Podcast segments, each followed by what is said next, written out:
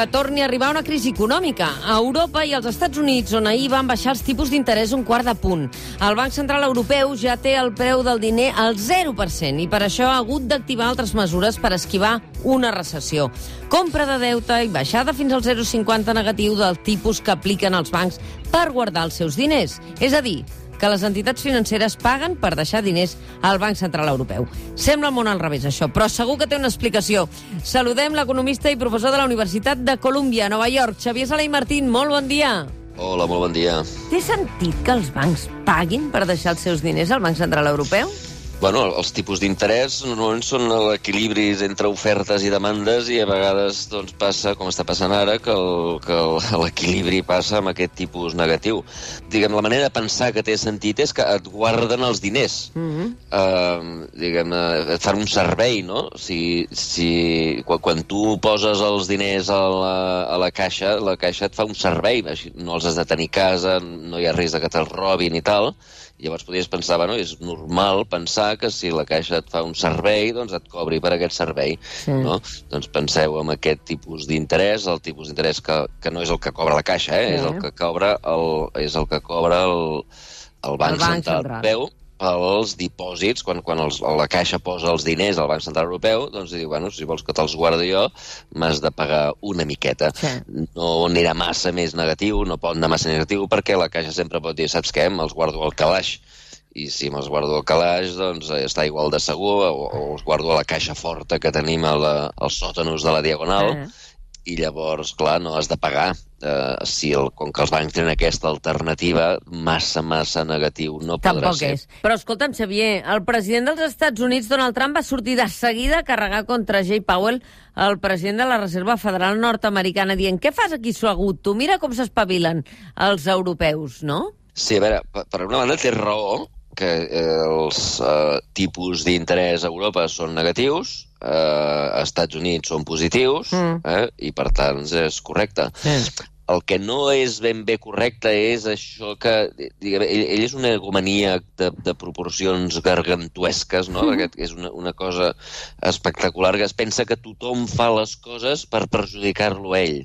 No, a veure, els europeus quan oloren una crisi, eh, i, el, i el Draghi en la seva última reunió doncs, olora que ve una crisi, sí. la seva, eh, no, no la seva obligació, però la seva reacció ha estat d'escolta'm, anem a protegir Europa. Com es protegeix Europa? Doncs de dues maneres. Una és mantenint els tipus d'interès que podem mantenir, gairebé zero eh, si podem baixar una mica, doncs els baixem, aquesta cosa que ha fet que el tipus d'interès que carreguen els bancs sigui negatiu.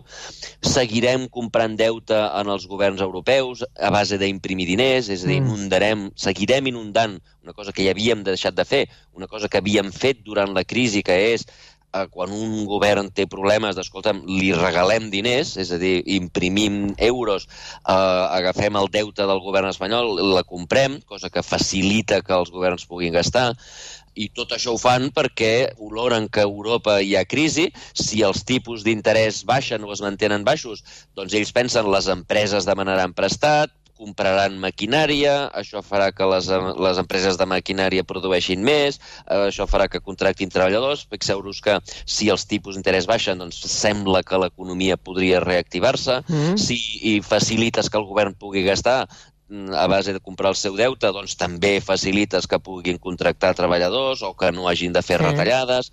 Per tant, és bo per a Europa que passi això. Ara bé, com a conseqüència, no és el que busquen, eh? però com a conseqüència d'això, clar, si els tipus d'interès a Europa són més baixos, Les la gent que hi parteix a Europa clar. diu, escolta'm, aquí no guanyem ni un duro. Clar. Per tant, què fem? Ens n'anem als Estats Units, que allà encara paguen un tipus d'interès una mica més alt. Per tant, hi ha inversors que uh, van cap als Estats Units. Per anar als Estats Units, què has de fer? Si tu tens dòlars, si tu tens euros, tu ets a Europa i tens euros i vols invertir als Estats Units, els americans tenen aquesta curiositat que no fan servir euros, fan servir dòlars. Per tant, has de comprar dòlars. Els inversors europeus que volen escapar-se dels tipus mm. negatius o dels tipus zero se'n van cap als Estats Units, han de comprar dòlars i això fa pujar el dòlar Uh, llavors va el Trump i diu, escolta'm, aquests europeus l'únic que volen és perjudicar-nos per, per, per pujar el dòlar. No, els europeus no ho fan per pujar el dòlar, els europeus fan per protegir-se ells, igual que els americans, quan ve una crisi, i també ho han fet, quan l'any passat, recordeu que va haver-hi aquelles davallades de la borsa i va haver-hi aquella catàstrofe al desembre que semblava que s'ensorrava el món, mm -hmm. el que van fer els americans va fer exactament el mateix. Van baixar els tipus d'interès, van abandonar el seu programa de pujar tipus d'interès, van començar a comprar deute una altra vegada i no van fer-ho per perjudicar els europeus, però en aquell moment va passar exactament el contrari. Uh -huh. uh, per tant, una part d'aquest tuit és veritat, els europeus tenen tipus més baixos, però que el Trump no es preocupi que no ho fan per perjudicar-lo a ell. No, no, no, aquesta mania persecutòria que té aquest home em sembla a mi totalment fora assenyada. Escolta, i amb els tipus zero com els tenim, a Europa, com deies, es protegeix perquè el que estem veient és l'economia nord-americana continua creixent, té un nivell d'atur baixíssim, en canvi aquí ja no es pot baixar més perquè és zero i, i és evident que la, la situació econòmica d'Europa eh, pinten molt més bastos que els Estats Units, eh, malgrat la política comercial nord-americana. Eh? Amb tipus zero, les hipoteques que continuen sent barates, però el diner a la vista dels comptes corrents que la gent té, o fins i tot dels dipòsits, no estan rendint res. Exacte. I és per això que, diguem, eh, si tu vols que els teus diners rendeixin, has de buscar coses que no, no... Els dipòsits als bancs no donen res, els bons no donen res, diguem, tot el que paga interessos, quan els tipus d'interès són zero, doncs eh, tot el que, tota la, la, la gent que estalvia i espera tenir un retorn, doncs no té cap retorn. És l'altra cara de la moneda. Eh? Si tu demanes un préstec, com la gent que té hipoteques, òbviament mm -hmm. surts beneficiat, perquè si els tipus d'interès són zero, pagues molt poc. Ara, l'altra banda de la moneda de la gent que demana préstecs és la gent que estalvia. Clar. La gent que estalvia espera que li paguin un interès, si el tipus d'interès és zero, doncs busquen alternatives. Quines alternatives? I això és la part perillosa. Les alternatives són una és, com ja he explicat, anar-se'n a un altre país, als Estats mm -hmm. Units. Això és perillós perquè hi ha el risc de que el dòlar pugi i baixi i en un dia doncs, et pot caure el 30% i, per tant, és perillós. Uh, una altra és la borsa, que també és perillós, perquè la borsa pot pujar o pot, baix o pot baixar. De fet, en els últims anys ha baixat a Espanya i a Europa, diguem, ha sigut un mal negoci invertir a la borsa. Uh, I una altra alternativa és invertir en coses que no són ni borsa, ni, ni actius financers, ni res d'això, que normalment vol dir totxo. Mm. Eh? I la gent, mm, com, com que com que, diguem, compra cases o que inverteix en... en... I això, el, el, el problema d'això és que això causa bombolles. Eh? Mm. Quan la gent comença a comprar cases no per viure, sinó per per fer negoci, per especular, doncs què passa? Doncs que les preus de les cases pugen, aleshores la gent veu, ostres, tu, les cases pugen, eh, és un bon negoci, això atrau a més gent encara, Uh, i llavors uh, comença a haver-hi una bombolla de gent que compra perquè les cases pugen, les, les cases pugen perquè la gent compra, la gent compra perquè les cases pugen, i aleshores ens trobem de sobte amb uns preus que són totalment fora assenyats, com ens va passar quan va començar la crisi, sí Aleshores la gent es desperta i diu, ostres, que burro, he, he pagat dos milions per una casa que val 900.000. Exacte. Pum, la vens i llavors tothom surt perdent, no? Sí, és l'explosió sí. de la bombolla. Uh, això normalment és conseqüència dels tipus d'interessos baixos. De fet, es diu que la crisi del 2007-2008, la crisi que va esclatar el 2007-2008, la bombolla que va esclatar el 2007-2008, va ser conseqüència dels tipus d'interès que havien posat és igual a zero durant molts anys sí. a causa de la crisi de la, de la bombolla.com. Sí, sí. És a dir, quan cau la borsa de la bombolla.com, el que fan els governs és posar els tipus d'interès a zero, ho mantenen durant massa temps i aleshores això va que la gent vagi a invertir a les, uh, als habitatges mm. i va causar les bombolles que van acabar explotant el 2008. Podria estar passant això una altra vegada. Uh, parlem del Banc Central Europeu perquè la borsa i el sector bancari contents amb les decisions d'última hora del Banc Central Europeu van respondre amb pujades perquè potser s'esperaven que Mario Draghi el president de, del Banc Central Europeu, que plega aquest octubre, eh, prengués decisions mm, diferents de les que va prendre.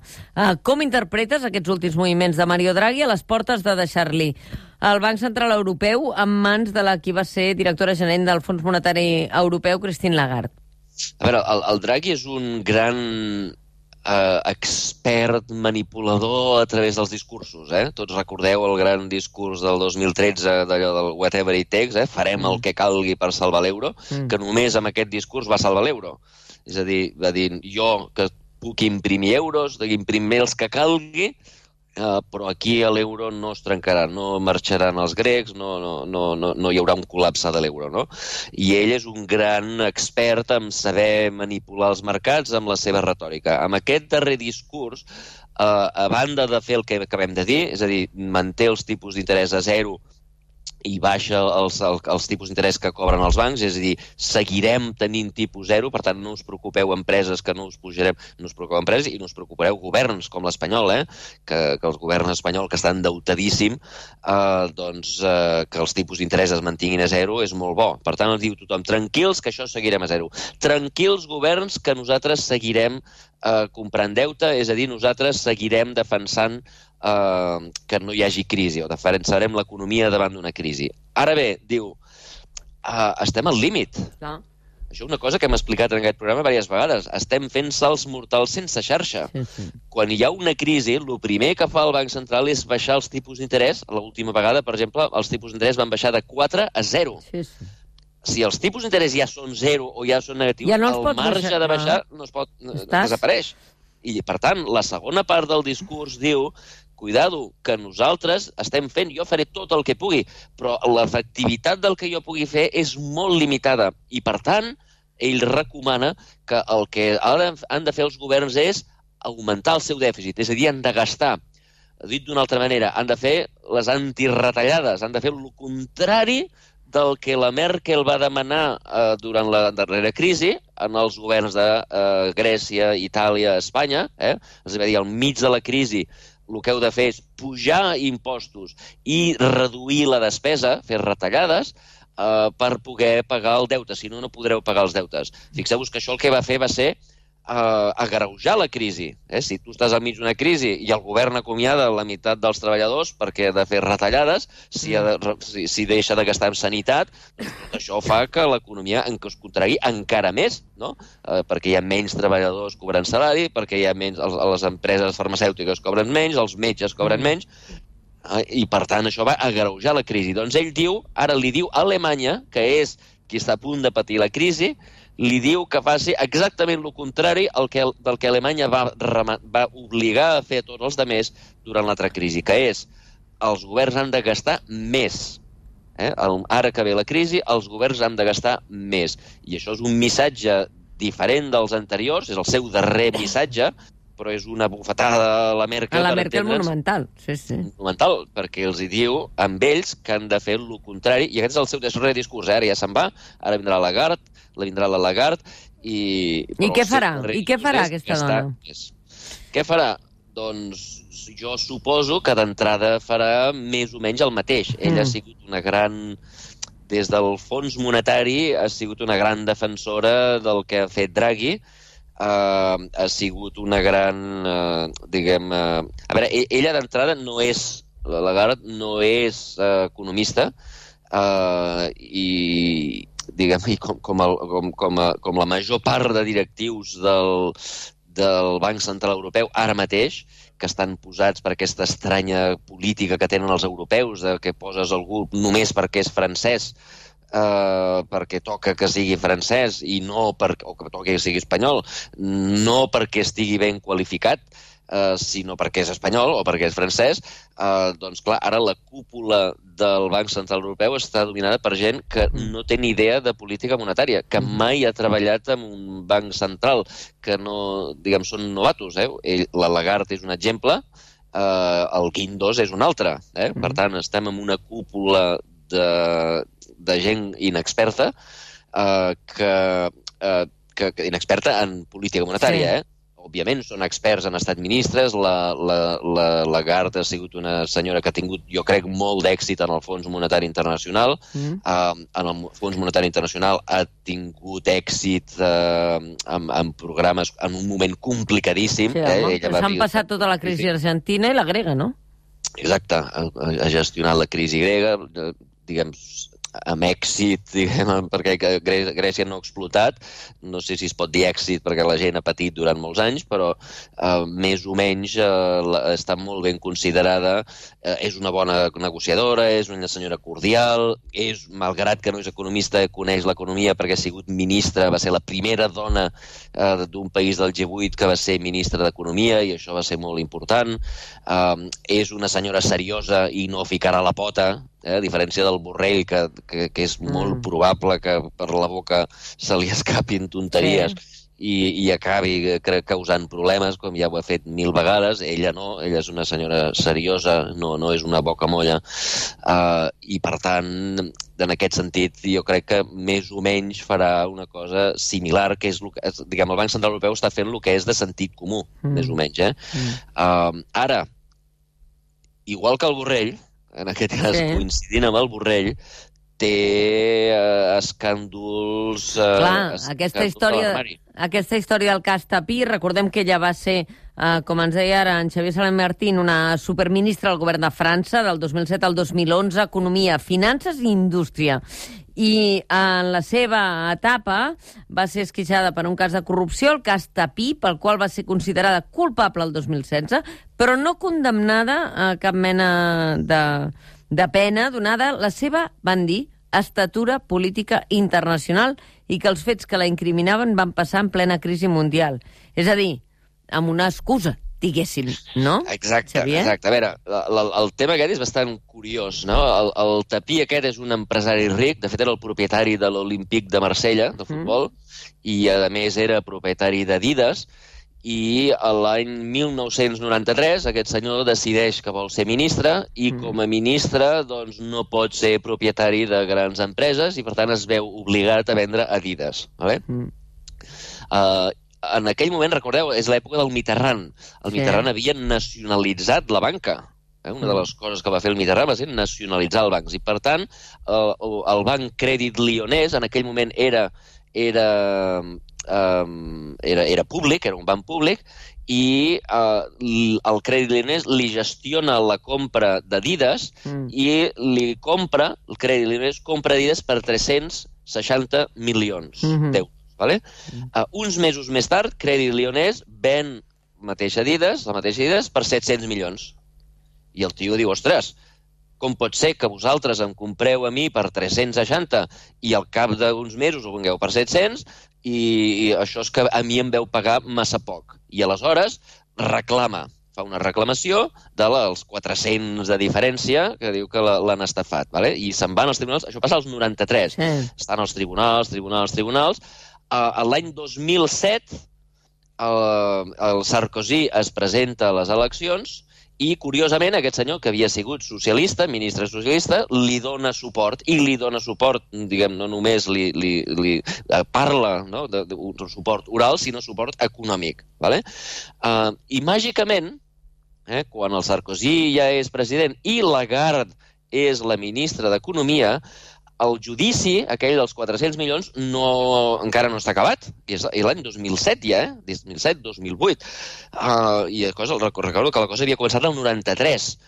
I aleshores, màgicament, la ministra diu que això, en lloc de que decideixin els jutges, uh, ho decidirà un, un consell d'arbitratge, eh? un, un arbitratge que farà el govern, el govern farà un arbitratge d'obligatori compliment i màgicament li donen la raó en aquest senyor que havia sigut, que era amic del, del, del president Sarkozy i li donen 400 milions. És a dir, allò, el, és veritat que el Crèdit Lyonès i per tant el govern, perquè era un, era un, un, un banc públic, t'havia pagat massa poc i aleshores agafen diners dels contribuents i li donen 400 milions en el seu amic. I veus? La ministra és la Lagarde. Veus que bé. Això són la, el que se'n diuen les raons d'estat, això, això. Sí, bueno, ella diu... Llavors, ella diu uh, que... Uh, llavors, al cap d'uns anys, el, òbviament, un grup de contribuents, investigadors, diu, escolta'm, això va ser un frau, això va ser un frau, aquests 400 milions, el tio aquest es va vendre l'empresa perquè volia ser ministre... I a sobre, després, clar... quatre, a l'any- al cap d'uns anys, el govern li dona 400 milions sense els tribunals, és a dir, se salten els tribunals i diu, no, no, el govern et dona 400 milions i llavors eh, és, és aquest grup de consumidors que ho porten als tribunals, diu això, han estafat aquesta gent, la Lagarde, com a ministra i el Sarkozy com a president, han estafat 400 milions als contribuents. Doncs bé, el 2016 els tribunals francesos diuen és veritat, va ser una estafa. Però la defensa de Lagarde, que és la cosa curiosa que mencionaves tu al principi, la, la, la defensa diu que ella no sabia res. Perquè, recordeu, això passava, eh, l'arbitratge va passar el 2008, i això Mhm. era en plena crisi. Mm. I llavors ella diu, com, podem, com podeu pensar que jo, ministra importantíssima, em preocupi d'una cosa de 400 milions, quan estàvem al mig de la crisi financera més important després de la Guerra Mundial? Jo tenia altres preocupacions. I van els jutges i diuen, és veritat, I cola. i cola. I cola. I fan una estafa de 400 milions i ella diu, no, però és que estàvem al mig de la crisi financera i jo estava preocupada per altres temes i, per tant, van ser els meus empleats que ho van fer sense que jo ni tan Ja sols... hagi Ah, però intervingut. vostè va pagar 400 milions i no, i no, es, va, no es va donar. Dir, Però- vostè sap de, amb qui està parlant? 400 milions per un ministre d'Economia no és res. Per mi això és la xocolata del lloro. I clar, saps què passa? Que, que els hi deu semblar tot poca cosa, perquè no oblidem que el Fons Monetari Internacional té un historial importantíssim en la que no caldrà entrar. Uh, previ, Dominique Strauss-Kahn, acusat de violar una cambrera guineana i investigat per proxenetisme i acusat d'organitzar orgies. Rodrigo Rato, que no ens pot sentir, entre altres coses, perquè està en una presó madrilenya uh, complint presó per les targetes Black. És a dir, Lagarde els hi deu semblar... Bueno, una Sí, sí, joia, no, no? comparat amb aquests, diguem, robar 400 milions doncs és uh, poca cosa. Però això, però això, això ens hauria de fer pensar una altra cosa, que és, a veure, al, al Fons Monetari Internacional eh, hi ha una enorme quantitat de, de treballadors honestos, i dic honestos perquè, diguem, molts dels meus estudiants, Mm. eh, van a parar allà. Són gent treballadora, creativa, diguem que tenen unes ganes enormes de solucionar problemes de països pobres.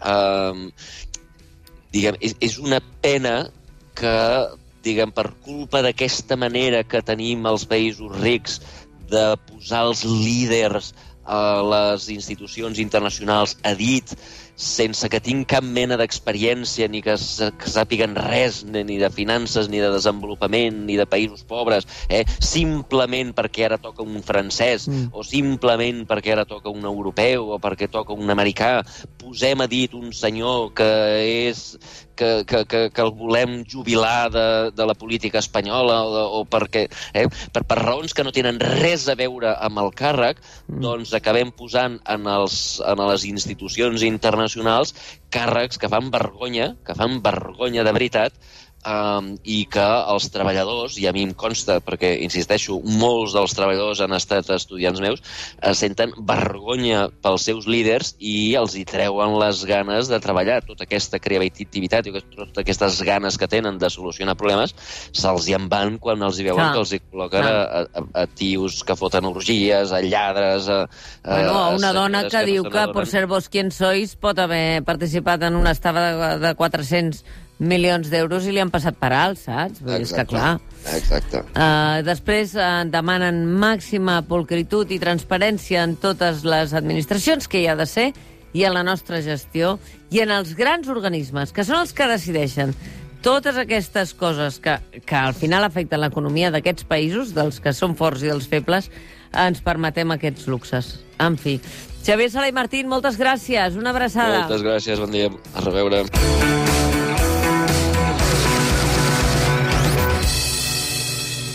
El matí de Catalunya Ràdio, amb Mònica Terribas.